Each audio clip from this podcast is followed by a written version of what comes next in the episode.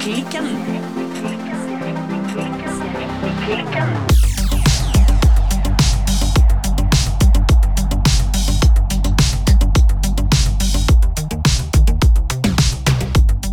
Hei, Birte! Hallo, Silje. Birte? Ja? Hva strikker du? Jeg strikker på Ingen dikkedarer Do not dick with my dar. av Kan du være så snill å si det? Petit nytt. ja. Petit nytt. Det går, eh, ja, det går sakte og sikkert framover, Ja. sånn som det bruker å gjøre med meg. Ikke så veldig mye nytt å melde. Men det blir en genser denne gangen òg? Det blir en genser. Det er jo en eh, Ragland-genser ovenfra og ned, Ja. i glattstrikk. Ja. Så nå er jeg sånn cirka midt på Ragland-aukene oppe. Så du er ikke på motorveien? Du er, ikke, du er kommet Nei. forbi eh, German Short Rose, men du er ikke kommet til- helt til motorveien? Nei, jeg er på Ragland-motorveien, men ikke på håper jeg, Bole-motorveien. Går det? Bolen-motorveien. Det var gøy at det var bole, for det høres ut som du er på anabole steroider Ja, det når du var kjører det. nedover der. Nei da, så jeg har egentlig ikke så veldig mye å melde. Em, jeg tror det blir en ganske fin genser. Jeg gleder meg til den blir ferdig. Ja. Og så er jo det i denne her støvet elgfargen. Og den blir jo strikka da i én tråd merino og én tråd soft silk mohair fra Knitting for Olive. Mm. Og jeg har jo funnet en mohair og merinotråd som matcher ganske bra. Ja, så det blir ikke så mye melering. Nå er du ute i et ganske så ensfarget strikkeprosjekt. Ja, på, en, på mange måter. Og jeg har tatt meg i det nå når jeg har kommet litt i gang, at jeg kunne kanskje hatt litt mer melering, faktisk. Ok. Jeg tror fargen blir kjempefin. Altså, jeg liker fargen veldig godt, men den, den kan også bli litt flat. Men nå er jeg litt, dette er nå bare litt sånne tanker som jeg har hatt eh, mens jeg sitter, satt og strikker. Ja, for du strikker jo den i denne her berømmelige støvet elgfargen. Det er jo en veldig sånn varm gråtone. Ja, det, det er det, men den, den er også grå. Ja. Ja. ja, ja, en sånn men varm altså- gråtone, men også grå. Ja. Den føles, le- den føles veldig grå, sånn som jeg ser det nå. Det kan hende det vil forandre seg etter hvert som jeg er kommet litt lenger. Den er nesten litt sånn Litt sånn sølvaktig. Ja. På en måte. Jeg føler at nå er vi liksom sånn, hvis vi nå skal fortsette å beskrive den, så må vi beskrive den som et eller annet sted mellom svart og hvit. Ja. Da har vi mye rare og helt åpenbare begreper for grå. Der er mange grånyanser ute og går. Ja, det er det. Og grå er jo veldig ofte en nyanse eller en tone eller en farge som er veldig vanskelig å avfotografere helt riktig. Det er det, og jeg syns det også. Altså, jeg er veldig glad i denne her gråmelerte gråfargen. Ja, men nå er du ikke på melering i det hele tatt. Jo, der er jo litt spel i den, det er det, men, men som jeg sa, merinotråden og mohairtråden er ganske matchy. Sånn at eh, jeg har liksom tenkt eh, to og en halv tanker om at eh, ja, kan, kunne ha vært litt mer spel i den.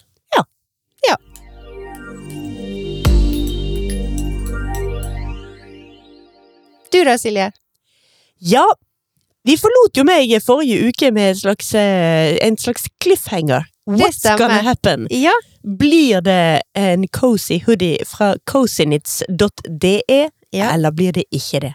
eller blir det ikke? Du, jeg er veldig spent. Ja, altså for å liksom først bare recappe litt, da. Ja. Hva skjedde forrige uke? Ja, Jeg har jo strikket denne prøvelappen.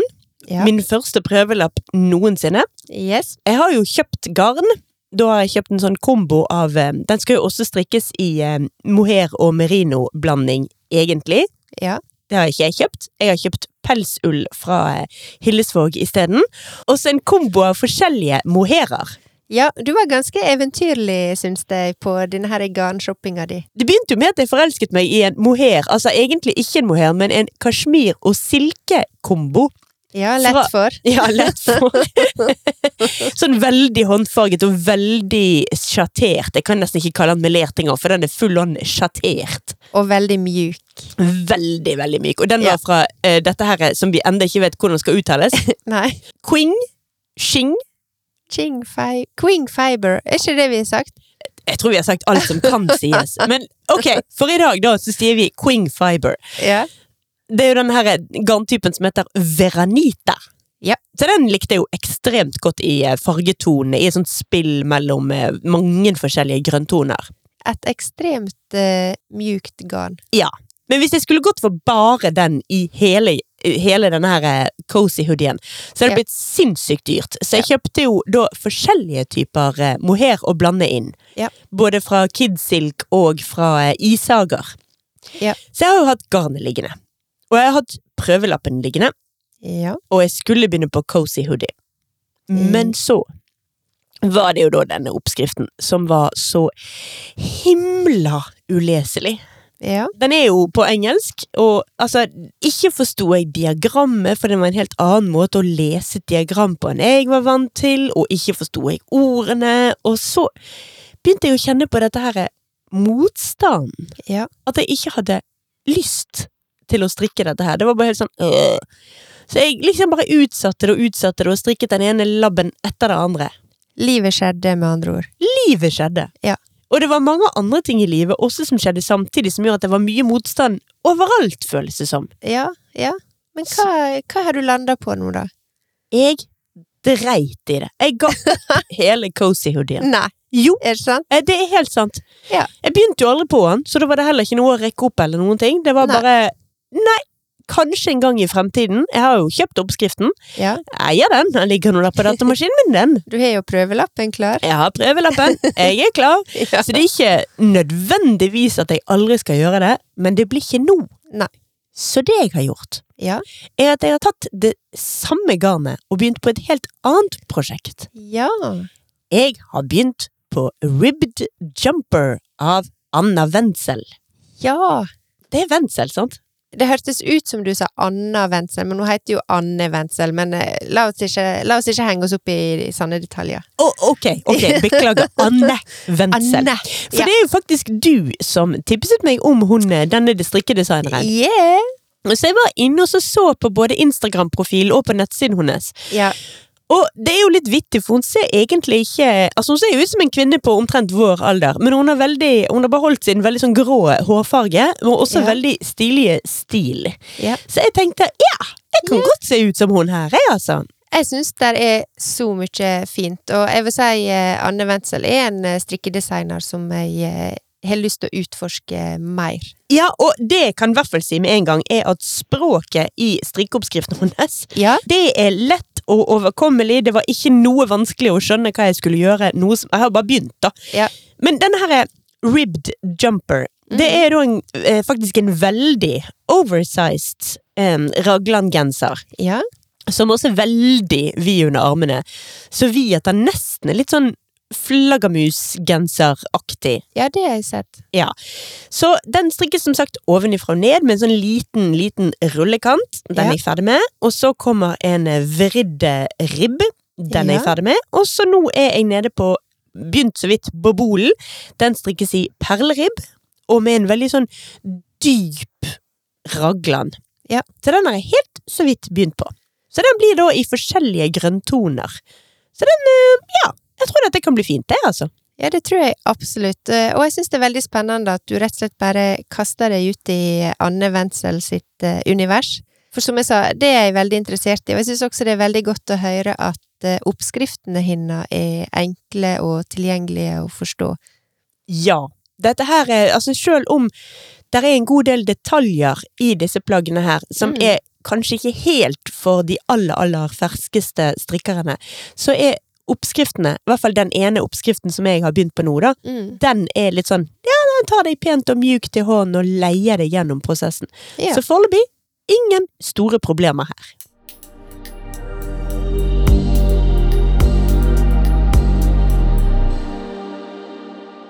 Men i dag, Silje, Ja. jeg må innrømme at eh, før dagens eh, innspilling, så eh, var jeg tatt litt på senga. Ja, det har, eh, vi er vel begge to litt sånn halvveis under the weather i dag. ja, litt kronglete, litt kronglete oppseiling til eh, innspillinga. Ja, vi har litt skrantesjuke begge to. Ja, jeg har vært på reise med jobb og hatt det ganske hektisk, rett og slett. Ja, og jeg er godt dopet ned av Paracet, for jeg har en vidunderlig hodepine som gnager eh, gjennom det høyre øyet mitt. Ja. Så i dag er vi litt sånn mm, utslagsvis også litt til temaet vi skal snakke om i dag. Ja, det gjør faktisk det, for det at eh, vi sitter jo her, Mm. og det har vi veldig lyst til. Ja. Og i dag skal vi rett og slett snakke om Lyst og lystprinsippet. Ja, Det å jobbe, og kanskje til og med leve, etter lystprinsippet. ja og ikke minst strikke. Ikke minst strikke etter lystprinsipp. For det er veldig viktig når du strikker. Det skal jo være gøy. Det skal det. For meg er jo dette da, som vi allerede har snakket om når vi snakket om hva strikker vi i dag, Ja. et ekstremt aktuelt tema akkurat i denne uken her. Absolutt. Du har sikkert tenkt masse på dette her. har det, fordi jeg, dette her er Cozy Hoodie-prosjektet lå jo der, og jeg hadde jo lyst på det ferdige plagget, Ja.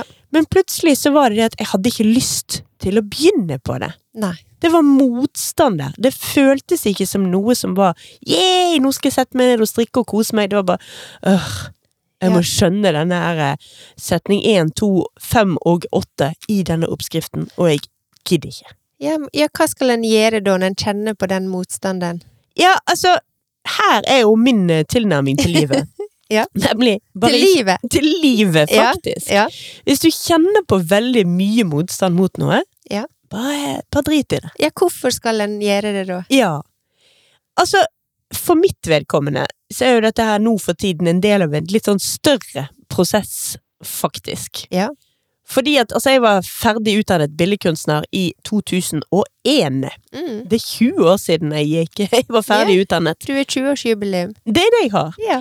Men det siste året, my, sikkert mye på grunn av korona, faktisk, eller mange andre ting, Mm. så er jeg kjent mot en motstand mot å male. ja. Og det er første gang jeg virkelig har kjent på sånne åh, det er et ork. Ja. Og spesielt her for noen måneder siden. Da skulle jeg levere inn et maleri til en utstilling, og jeg hadde ikke begynt på det, og ting var litt sånn her Nå må jeg bare komme i gang. Gikk og kjøpte lerretet, og øh. Ja. Og så kjente jeg Nei, Nei. dette skal ikke jeg gjøre nå. Dette her fyller meg ikke med lyst i det hele tatt. Her er det for mye motstand. Jeg skal ha en skikkelig pause fra å male. Ja. Og det er jo en, var jo først også da en litt lettelse, og så var det veldig rart, og så var det litt identitetskrise. Jeg husker bare to dager etter at jeg hadde tatt avgjørelsen, så var jeg hos frisøren. ja. Og så spør frisøren, som frisører gjør, ja, hva du jobber med da? ja. Og i 20 år har jo jeg svart da, nei, jeg er billedkunstner. Og da ble det sånn, øh, hva skal jeg svare akkurat Ja, nå? For jeg har jo for to dager siden bestemt meg for at jeg skal ta en pause fra det. Ja, hva var du da? Ja, hva var jeg da? Ja. Så det ble litt sånn, nei, jeg er selvstendig næringsdrivende. så fikk jeg litt sånn skjelvende tynn stemme og ble litt sånn, øh, øh, Ja. vag og rar. Jo, men det er jo klart eh, Altså, jeg kjenner jo veldig godt til eh, deg som billedkunstner, og det er jo klart at eh, det blir jo en veldig stor del av identiteten. Ja, det er jo ikke bare en jobb å Nei. være billedkunstner, det er en identitetsting. Så for meg var det en veldig sånn stor og rar greie. Mm. Nå skal det jo sies at i tillegg til å ha identitet som billedkunstner, så har jeg jo også mye min identitet som kunsthistoriker. Sant? Jeg er to ting. Jeg skriver jo en del og gjør, gjør ting der. Og Ja. det er jeg jo fremdeles. Det, det jobber jeg med fremdeles. Ja. Og det er jo ikke det at jeg sier helt sikkert at jeg aldri skal male igjen. Men jeg har faktisk nå sagt opp og flyttet ut fra det ene atelieret mitt. Ja. Jeg har jo to, da. Jeg har i alle år hatt et lite atelier hjemme. Mm. Og det er jo det rommet vi sitter i nå. Ja, Det som har blitt eh, omdøpt til strikkehytta vår. ja, for at eh, dette atelieret ble jo bare snatcha til eh, podkasten. Det gjorde det, altså. Her som er det tidligere var liksom bare fullt av pensler og staffelier og lerreter, så er det jo nå mest podkastutstyr, og så står det da lerreter som blir dyttet stadig vekk lenger inn i hjørnene. Ja. Men det andre atelieret, det var et fellesatelier jeg var med på, som var mye større enn dette rommet. Der har jeg sagt opp eh, leieavtalen og flyttet ut fra nå. Og det var en litt sånn ja, hvordan føltes det? skummelt. Ja. Eh, Var det litt sånn endelig, på en måte? Ja, det var Ja. litt endelig. Ja. Eh, Sant? Altså, disse bildene jeg da skulle flytte derfra, er så store at jeg måtte leie en varebil og må gjøre litt skikkelig, liksom. Ja. Men når jeg først gjorde det, så føltes det ekstremt riktig også. Ja. Og da kjente jeg på dette her med å, å ta ulyst Mm. og å ta motstand på alvor. Ja. Og fortsette å jobbe etter lystprinsippet, som jeg har gjort hele livet mitt. Det er, he- det er noe som er så riktig for meg.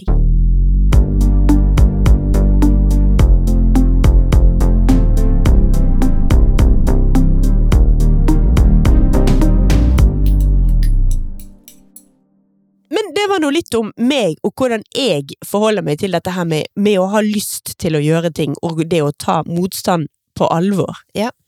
Du, Birte, Ja. har du noen sånne historier eller erfaringer, og det kan gjelde livet eller strikking, hvor Her man åpner vi opp. her åpner vi alt! Vi tar liksom strikkingen ut på de store. I dag snakker vi om strikkingen i et dypere filosofisk sett. Vi tar liksom strikking som livsvisdom. Ja. Men har du eh, lært noe av det å ta motstand på alvor, og å heller gå den eh, minste motstands vei? Ja, det har nå jeg sikkert gjort veldig mange ganger, men eh, jeg har en, også en sånn her magefølelse som jeg er ganske god på å fylle. Ja. Og jeg har ofte erfart at magefølelsen min, den slår veldig sjelden feil. Ja. Det er ikke alltid at eh, magefølelsen min eh, Og jeg tenker jo at magefølelsen er jo et slags eh, Det er på en måte alibiet for eh, liksom lyst. Ja. Det du egentlig kanskje har lyst til å gjøre, eller ikke lyst til å gjøre. Mm. Og jeg må jo si at det er jo ikke alltid at magefølelsen har vært det, det, liksom det, det mest rasjonelle tingen å gjøre, altså det å følge magefølelsen på noe. Men jeg tenkte på, altså for eksempel når du har begynt på strikkeprosjekter som det har vært mye motstand i, hvor du Ja. kjenner på den manglende gleden og lysten, Ja. så har jo du også vært flink til å Meh, det var ikke tingen, og å legge de vekk. Ja da, jeg er nok eh, Jeg syns jo det er veldig viktig at når du har en hobby, så skal den være lystbetont. Ja. Ja. Det syns jeg er litt sånn hele poenget med det. Men jeg kan jo si at jeg var jo litt sånn ambivalent til det å begynne å strikke. Ja. For det, det var ikke nødvendigvis bare sånn lystbetont. Altså, det var ikke sant, det var liksom nødvendigvis bare sånn lyst som liksom skyldte over meg. Og det var nok en kanskje litt eh, større prosess enn jeg, jeg var klar over. Å bli en strikker. Ja, og begynte å strikke. Og det var jo mange grunner til det. Det var jo både fordi at jeg følte at jeg ikke kom til å klare det. Mm. Jeg følte at det var et område jeg hadde veldig dårlige forutsetninger for å lykkes på, for å si det på den måten. Ja. Jeg følte ikke noe sånn talent for strikking, da, kan jeg Nei. si. Ja, kanskje litt sånn stigma, kanskje mm, Men på et eller annet tidspunkt så Likevel så fikk jeg veldig lyst til å begynne å strikke. Jeg liksom måtte overvinne alle disse her tankene om var jeg en strikker, kunne jeg klare det? Legge vekk det her liksom tankene om at eh, liksom det manglende strikketalentet og Mm. alt dette her. Eh, og så til slutt fikk jeg jo bare ekstremt lyst til å bare hoppe i det, og så gjorde jeg det. Ja. Og da ble jo jeg hekta. ja, så til de grader. Og det Ja. viser seg at du er jo et stort strikketalent. Altså Når det gjelder å strikke jevnt og pent og gjøre det skikkelig, så gjør jo det, du det mye bedre enn meg. Tja, det, er- altså takker nå for eh, komplimenter som kommer min vei her, men eh, nei da, altså det har nå gått eh, bedre enn frykta på mange måter. Samtidig må jeg si at eh, jeg har jo ikke begitt meg ut på de liksom voldsomt vanskelige prosjektene foreløpig, og det er jo også litt med at jeg er litt sånn usikker på hvor, eh, hvor god jeg egentlig er til å strikke, altså disse mer avanserte prosjekter. Ja. Jeg har prøvd meg på et par ting, og noe har gått eh, greit, og noe har ikke gått så bra. Men hva gjør man da, når det ikke går så bra? Da er jo det én av to. Det er jo liksom eh, ditch it og do it. Ja, for jeg tenker jo også at vi må klargjøre at vi snakker jo ikke om å forlate prosjekter som er for vanskelige her. Nei. Vi snakker ikke om å liksom ah, gjøre det så lett og så enkelt for seg sjøl som overhodet mulig. Nei da. Det er noe helt annet vi snakker om. Vi snakker om lysten. Ja. Det, så lenge jeg er drevet av lystprinsippet så kan jeg eh, pushe meg sjøl gjennom de vanskeligste malerier og de mest knotete strikkeoppskrifter og tunge og vanskelige ting. Det har jeg ingen problemer med. Problemet mitt er hvis jeg kjenner på manglende motivasjon, på at jeg bare øh, jeg Ja. har ikke lyst. Og den kan jo slå ekstra inn når du, hvis det er et lystbetont prosjekt i utgangspunktet. Eh, for det at, det at det er lystbetont, det gir jo en ekstra motivasjon. Mm. Men jeg må også si at når jeg strikker, og sånn som nå med denne her Ingen dikkedarer, der jeg knoter både med raglan først og med vendepinnene etterpå, jeg føler jo meg av og til veldig dum når jeg strikker. altså, det er liksom Det er, det er ikke alltid liksom jeg har den største sjøltilliten, men samtidig så Ja, det skal være lystbetont, det er ikke så farlig. Og det er ikke så viktig om jeg må rekke opp igjen. Hva gjør nå det? Det er jo klart at ja, av og til går det litt utover kanskje den her eh, strikkestoltheten min, eller som jeg sa, jeg føler meg av og til litt sånn, ja, litt sånn dum. Ja, men man gjør jo idiotiske ting støtt og stadig når man strikker. Altså, Uansett hvor langt man er kommet, så tenker jeg at såkalte brain farts eh, Ja. skjer jo. Det skjer, og da tenker jeg også at da er det viktig å ikke ta det så seriøst, Absolutt. og ikke liksom hive alt på båten, altså ikke, ikke bare liksom ta alle ufoene sine og alle oppskriftene og hele garnlageret og bare brenne det på bålet, liksom. Altså, det er jo ikke så farlig om en gjør feil. Og jeg tenker at i det så ligger jo også det at når det er lystbetont, så, så det skal ikke være så sjølhøgtidelig, eller det skal ikke være så Det er ikke så dramatisk. Nei, det er jo akkurat det det ikke er.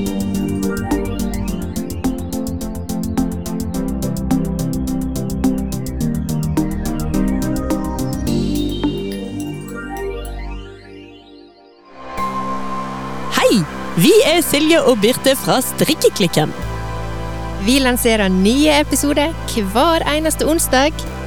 Du kan høre oss via Spotify, Apple Podcasts eller hvor du nå enn foretrekker å finne podkastene dine. Følg oss gjerne på Instagram og Facebook at strikkeklikken. Eller du kan gå inn på nettsiden vår www.strikkeklikken.no. Vi høres!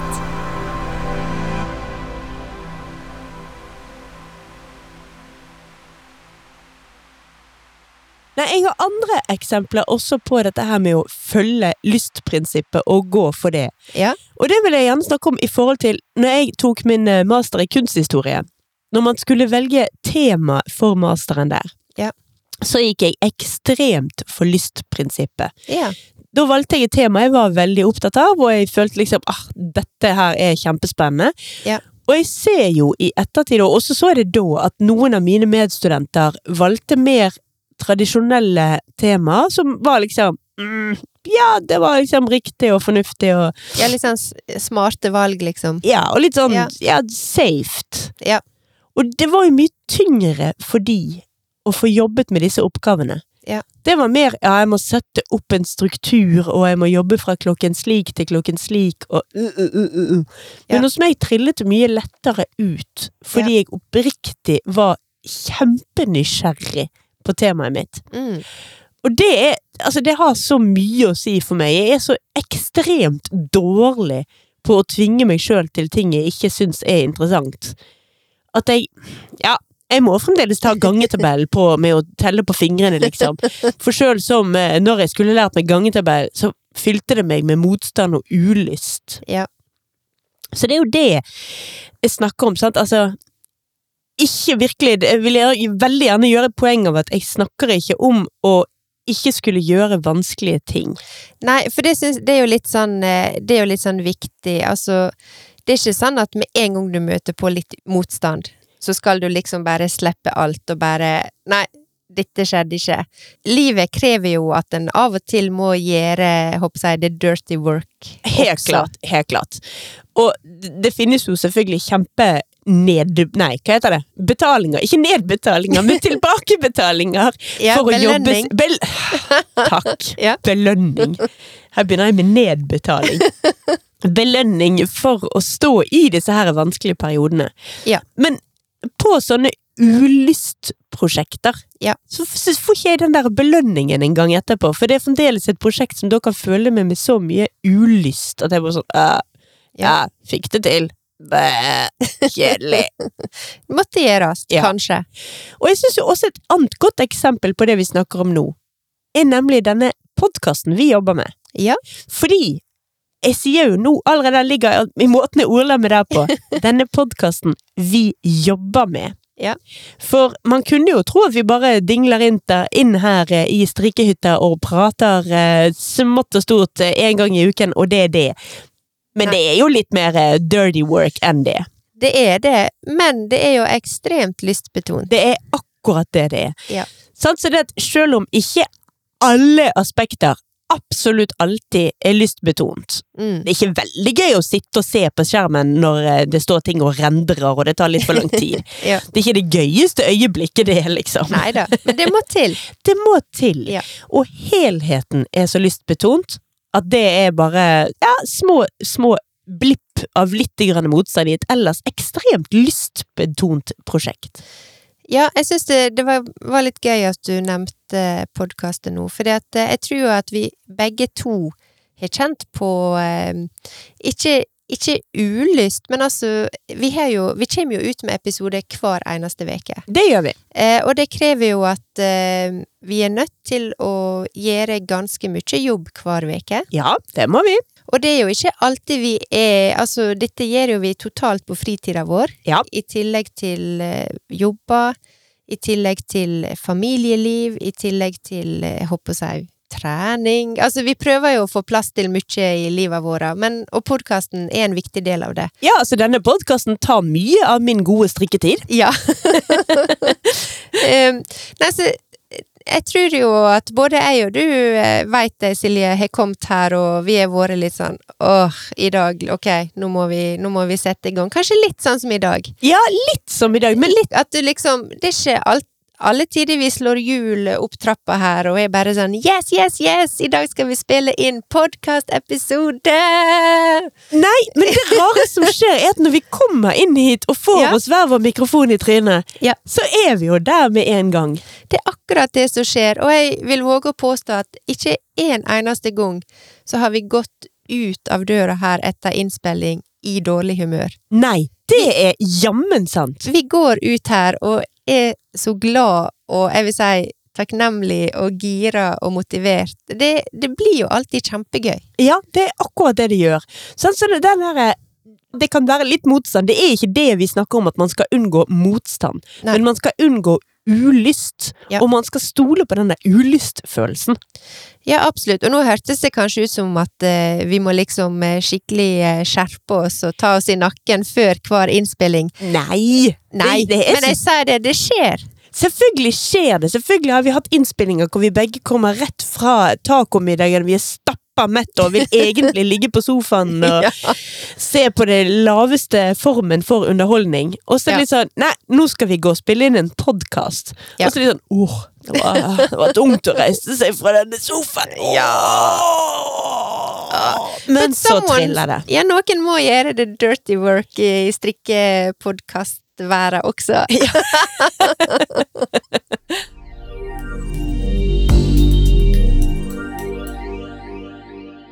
tilbake litt. Grann. Altså, vi må på en måte finne en slags rød tråd mellom den her livsvisdommen og gjøre den om til en slags strikkevisdom også. Ja, men jeg har lyst til å legge til en liten en ting når vi snakker om lystprinsippet. Ja. Og det er jo det at jeg har jo slitt med disse armene mine. Ja, de fordømte senebetente albuene dine. Ja, og nå har jo det vart i et år. Jeg er fortsatt eh, ikke helt eh, frisk, vil jeg si. Nei. Eh, for det at det skal veldig lite strikking til før jeg begynner å kjenne både på, håper jeg, å si, på albuer og på håndledd og på nakke og skuldre. Uff. Jeg er, jeg er ikke funnet, funnet ut av det enda. Nei. Og det må jeg si at det, det preger meg også fortsatt i strikkinga. Ja. Mentalt så må jeg, eh, kan jeg innrømme at eh, jeg syns det er veldig vanskelig å drive og på en måte hele tida kjenne på kan jeg strikke litt, går dette bra, Ja. og så strikker jeg fem minutter, og så begynner jeg å kjenne at det kniper litt i høyrehånda. Mm. Eh, så jeg vet ikke om jeg har nevnt det før, men jeg kan gjerne innrømme at eh, Jeg kjenner litt på en litt sånn stressfølelse av og til i forhold til strikking, og det er jo helt motsatt av det det skal være. Ja. Samtidig så syns jo jeg det er så kjekt å strikke.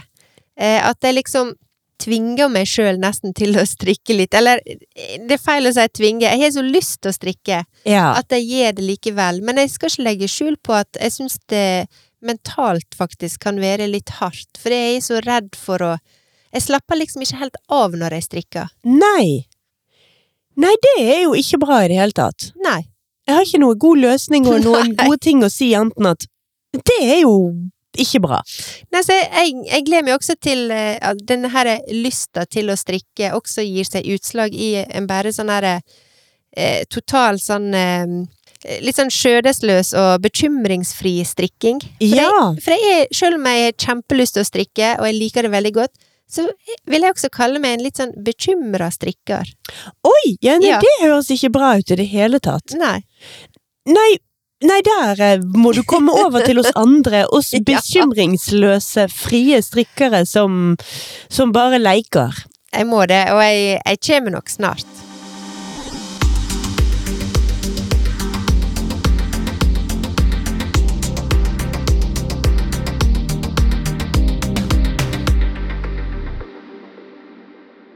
Ja, for, altså, for min del nå, da, når jeg da har tatt valget om å også ikke skulle male på hvert fall en god stund Jeg sier ikke at jeg aldri skal male igjen, altså, men det blir en god stund til eh, jeg skal male.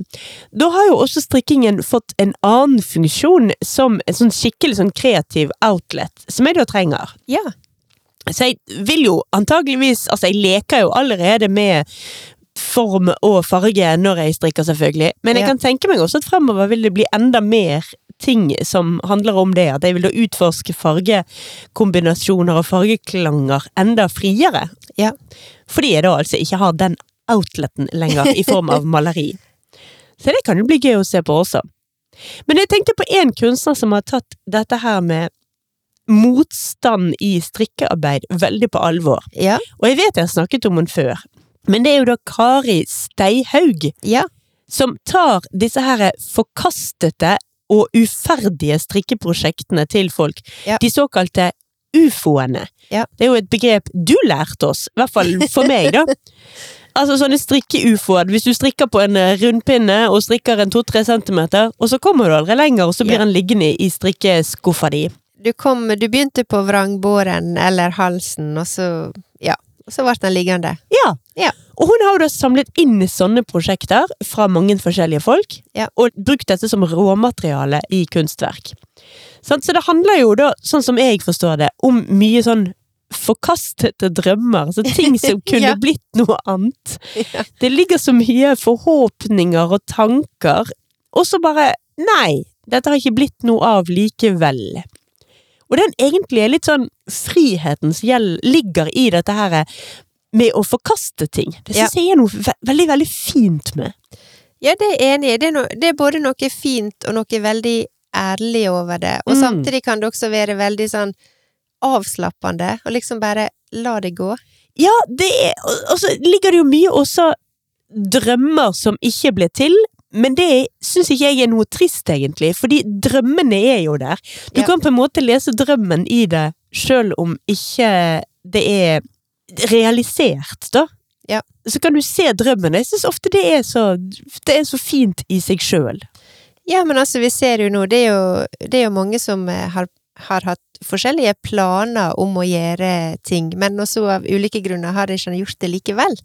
Ja, altså for meg er jo dette her et tema som jeg veldig ofte har jobbet med i billedkunst da, i Ja. mine malerier. Jeg har jobbet mye med evighetsmaskiner og utopiske ting, altså drømmen om utopiske samfunn, utopiske bygninger, eh, svevende byer, ting som ikke eksisterer i denne fysiske, kanskje litt kjedelige verden, hvor vi er bundet av eh, fysiske lover. Mm. I mine malerier er de veldig ofte, disse reglene veldig ofte opphevet. Ja. I mine malerier finnes evighetsmaskiner, og de kan drives av litt sånn pussige prinsipper og Ja, for å si Ja. det sånn. Det er, det, termodynamikkens lover gjelder ikke når jeg maler. Nei, altså, du kan jo sikkert si at eh, det har sin helt egen logikk, da. Og Ja, det går ikke nødvendigvis opp.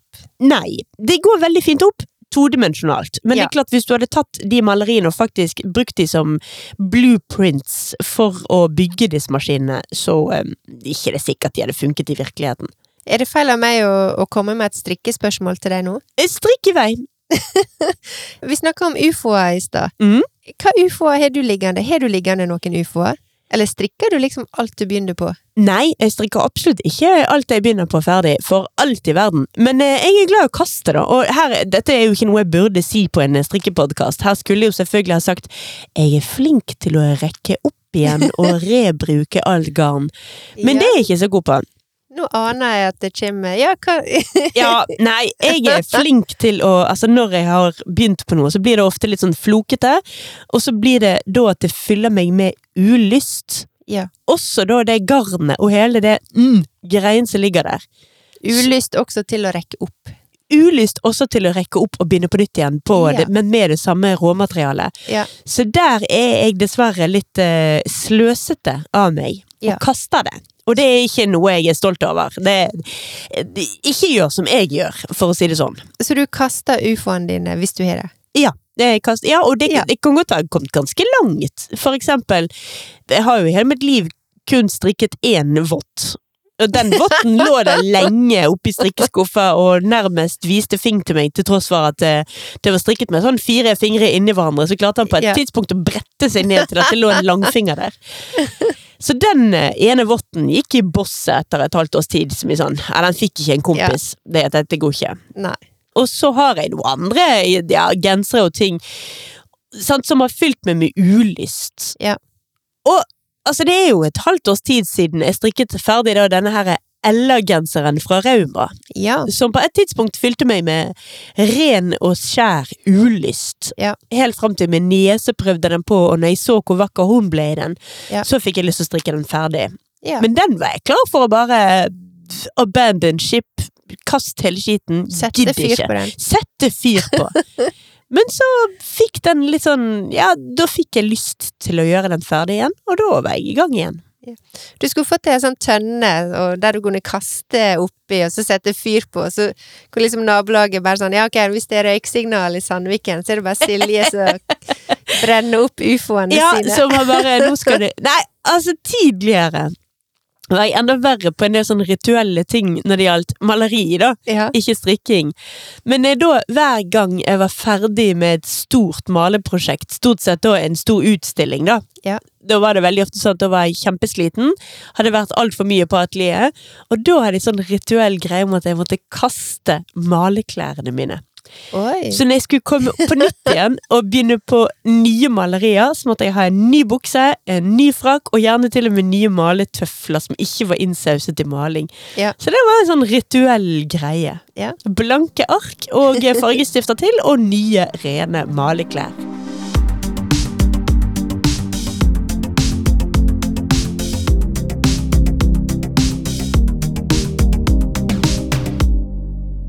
Når vi snakker da om strikking og lystprinsipp, Ja.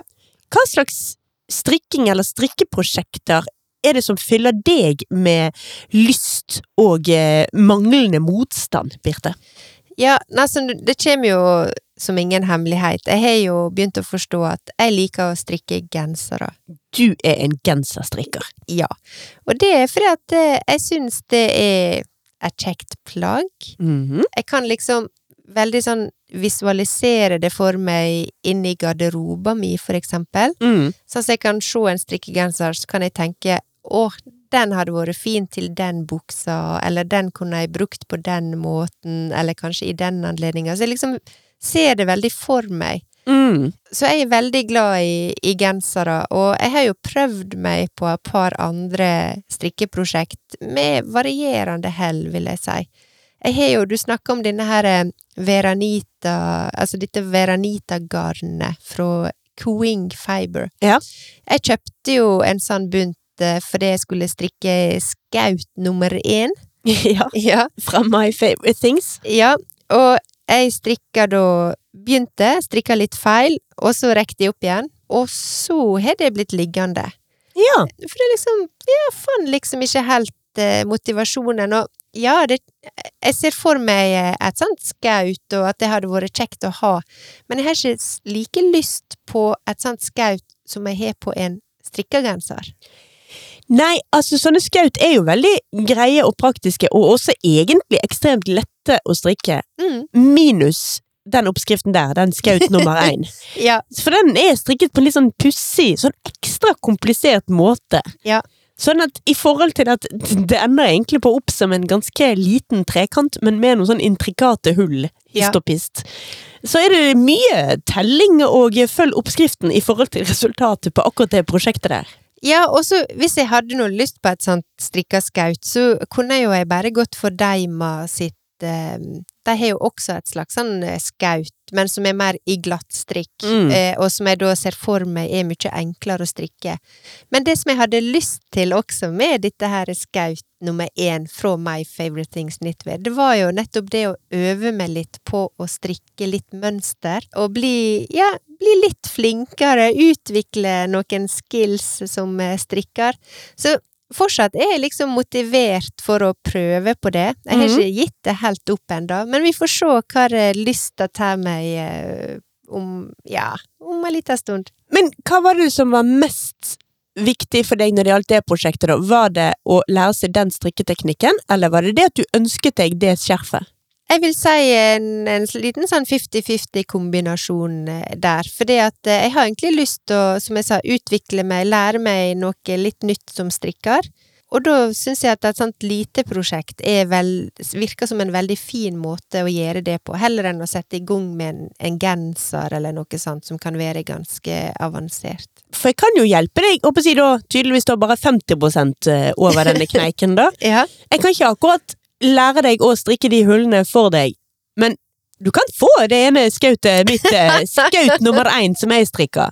Også i sånn Veranita, så kan du bruke det sammen med den Åh. Barber-jakka di. Silje, du er altfor snill. Eh, jeg takker både ja og nei til deg. Jeg trodde du skulle si at du kunne hjelpe meg og lære meg å strikke dette skjerfet. Ja, det kan jeg også. Eller skautet. Det er klart jeg kan. Men eh, nei da, vi må komme i mål eh, der på en eller annen måte. Vi får se hva, eh, hva lystprinsippet tar oss hen.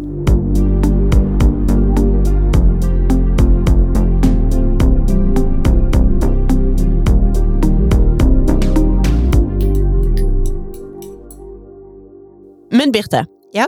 nå har vi babla i vei om lyst og ulyst. Ja. Har du noen gode tips å komme med i dag?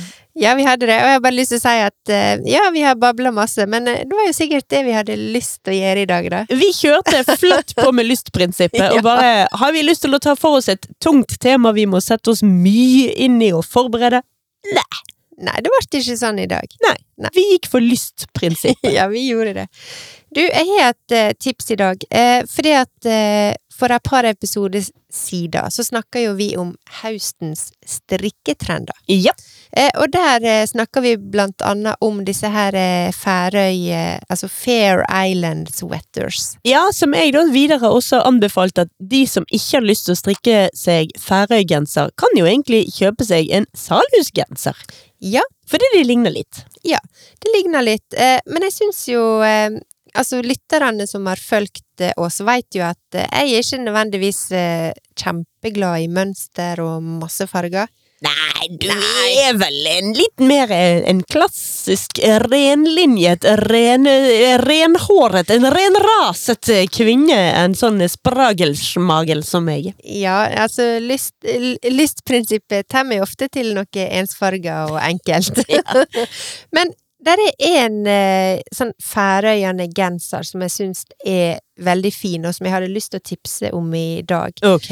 Og det er rett og slett en genser som heter Nordstrand. Ja.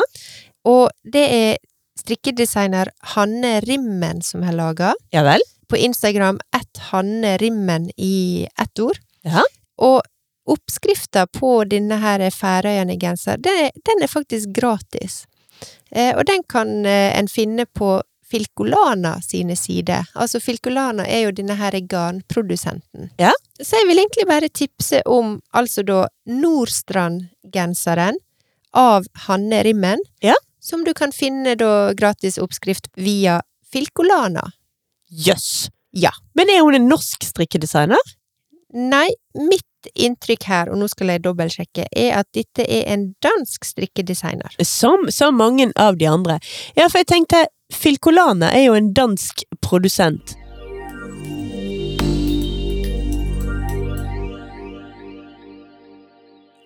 Å Gud, han finner Ja. ja. dritfin! Nå viste jeg, viste Ja, jeg bildet Nei, Nå her. stoppet hele setningen opp! Nå glemte jeg helt hva jeg skulle snakke om. For det som skjedde nå, var rett og slett at Birte holdt opp et bilde av denne genseren her. Ja, den er Få oss til å se litt superfin. nærmere. Den er jo avsindig fin. Og, men det som er litt annerledes med den Ja. Skal vi se. Jeg må babe litt frem. Vent litt. Beklager eh, lyd. Oi, oi, oi. Altså Det som er litt annerledes med denne genseren framfor eh, en del andre islendergenseren, er at sånn som jeg ser det, da, så Mhm. sitter det mønsteret her lavere ned. Ja. Så det er liksom ikke midt oppå skuldrene. Det begynner ikke så høyt oppe, så det begynner ganske langt nede. Ja. Så denne var jo enormt fin. Oi, oi, oi. Ja, den var nydelig. Den er superfin. Og så syns jeg også at den har et veldig fint, sånn avslappa uttrykk. Mm. Og sånn som du sier, kanskje det har litt med at mønsteret s- sitter litt lenger nede. Den virker også litt sånn ja, litt sånn god og avslappa i fasongen, og Ja. det liker jo jeg kjempegodt. Men jeg syns den eh, Jeg ville bare tipse om, eh, om denne genseren, eh, og jeg, jeg ser for meg at på et eller annet tidspunkt nå, eh, hvis jeg skal kaste meg ut i noe sånn her eh, avansert eh, mønstergreie, så skal ikke du se vekk ifra at det blir en sånn Færøyene genser. Jøss.